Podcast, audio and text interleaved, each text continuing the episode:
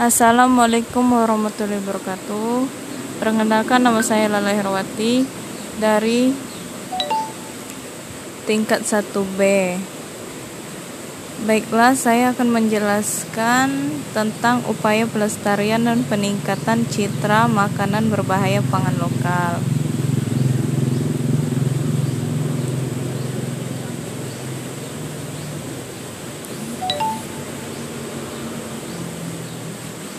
Pemanfaatan ketahanan pangan tersebut dicirikan dengan setiap warga mengonsumsi pangan yang cukup dalam jumlah atau mutu, gizi, aman, beragam, dan terjangkau. Untuk itu, pengembangan konsumsi pangan dilakukan dengan berbasis pada keanekaragaman baik sumber bahan pangan maupun kelembagaan dan budaya lokal.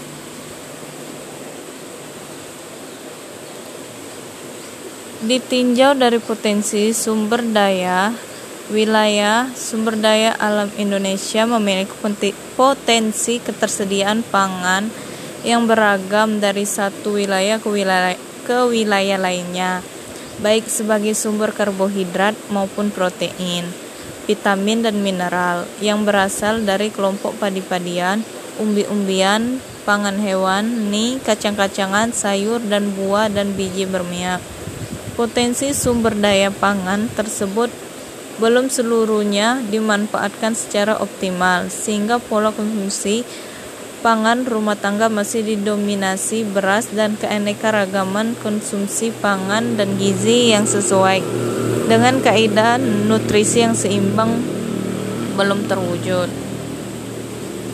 Memperhatikan kondisi dan peluang pengembangan penganekaragaman konsumsi pangan, maka pola konsumsi pangan penduduk perlu dirubah dengan mempertimbangkan ketersediaan pangan, pengetahuan dan daya beli masyarakat. Pengembangan konsumsi pangan ini diprioritaskan pada kegiatan pokok antara lain pengembangan pola konsumsi pangan, pengembangan pemanfaatan pekarangan, pengembangan pangan lokal, dan pengembangan makanan tradisional. Keempat, pengembang, pengembangan tersebut dalam operasional dapat disesuaikan dengan kondisi daerah serta dikombinasi dengan program konsumsi pangan setempat.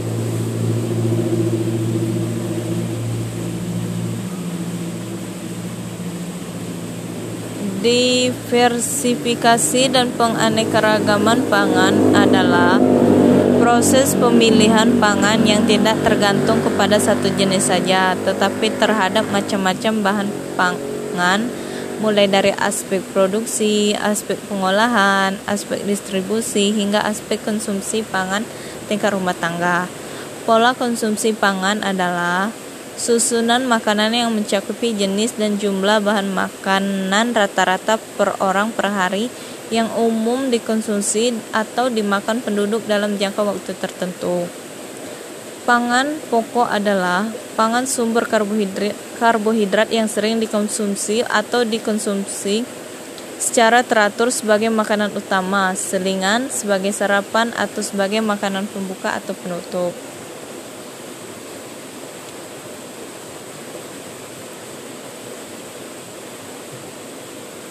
Bahan pangan untuk konsumsi sehari-hari dapat dikelompokkan menjadi sembilan kelompok. Jenis pangan pada masing-masing kelompok dapat berbeda. Pada setiap daerah atau kota, sesuai sumber daya pangan yang bersedia secara nasional bahan pangan dikelompokkan sebagai berikut. 1.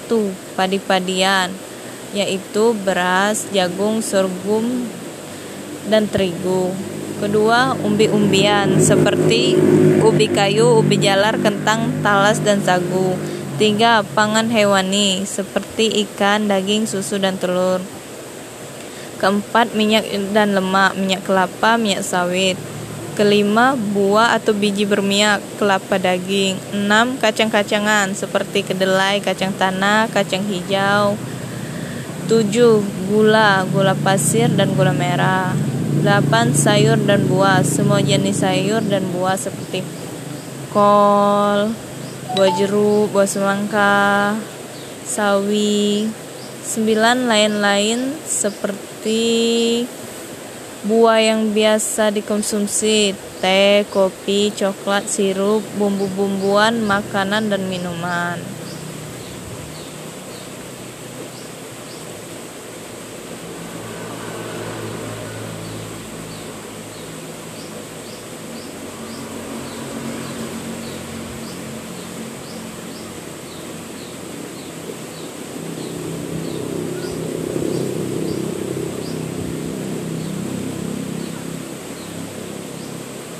baiklah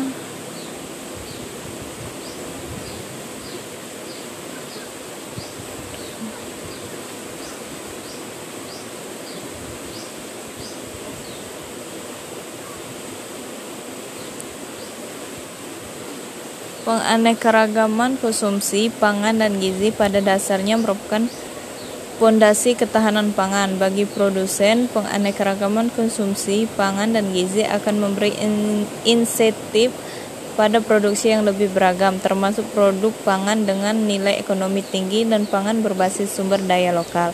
Sedangkan jika ditinjau dari sisi konsumen, pangan yang dikonsumsi menjadi lebih beragam, bergizi, bermutu, dan aman, di samping itu, dilihat dari kepentingan kemandirian pangan, penganekaragaman konsumsi pangan juga dapat mengurangi ketergantungan konsumsi pada satu jenis bahan pangan, khususnya beras dan terigu.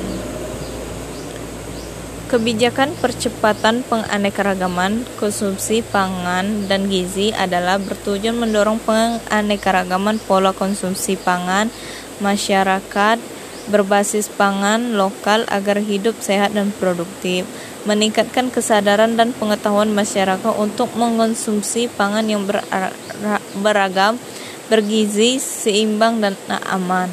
Selain itu, mendorong pengembangan teknologi pengolahan pangan terutama pangan lokal non beras guna meningkatkan nilai tambahan dan nilai sosial. Upaya yang harus dilakukan untuk mengembang konsumsi pangan yang beragam yaitu pertama dengan memberdayakan kelompok perempuan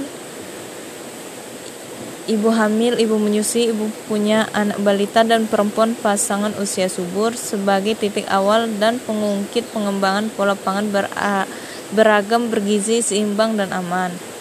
Kedua, memberi Pengetahuan anak sejak usia dini tentang pola makan beragam, bergizi, seimbang, dan aman.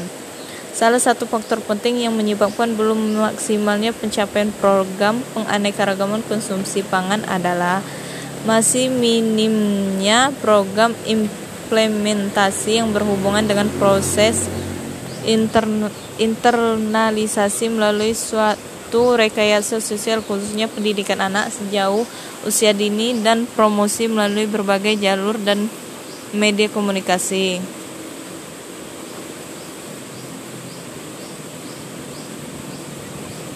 Ketiga, mengembangkan pemanfaatan perkarangan sebagai sumber penyediaan pangan yang beragam, bergizi, seimbang, dan aman bagi keluarga. Pekarang yang tidak produktif bisa dimanfaatkan untuk menanam jenis pangan yang mudah tumbuh, bergizi, dan mudah diolah.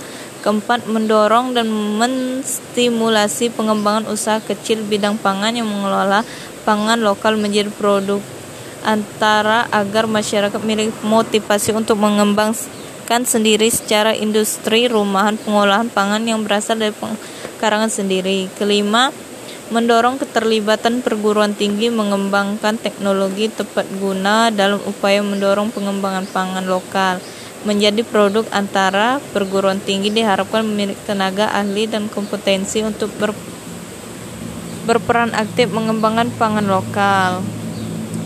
Keenam, mendorong keterlibatan media massa LSM lembaga profesi dalam mensosialisasikan dan mempromosikan berbagai kegiatan percepatan pengembangan konsumsi pangan berdasarkan sumber daya lokal secara umum keberhasilan pelaksanaan program percepatan penganekaragaman dan konsumsi pangan dan gizi dapat diukur dengan dampak yang dihasilkan.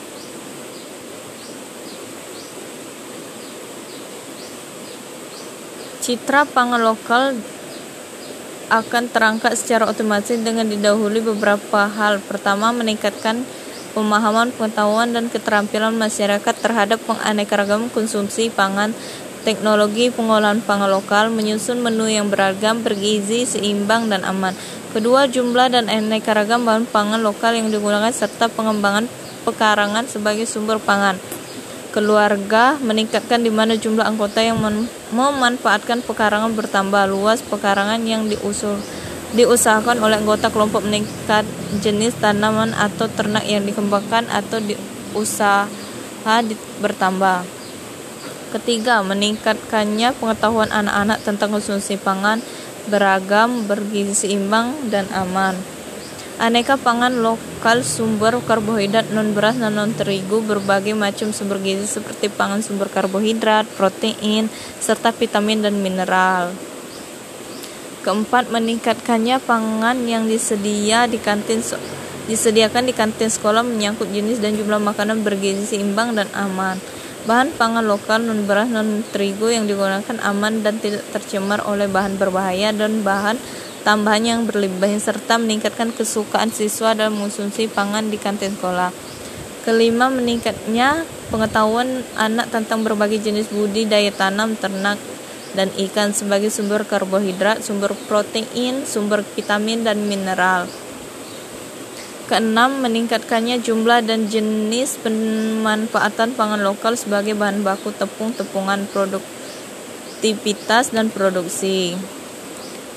Upaya sinergis sebenarnya sangat diperlukan untuk mengangkat citra pangan dengan pangan lokal dengan melibatkan dan menghimbau berbagai pihak seperti dunia restoran, wisata kuliner, perhotelan, pendidikan serta stakeholder terkait untuk lebih berperan aktif mengenal dan menyajikan pada setiap hari.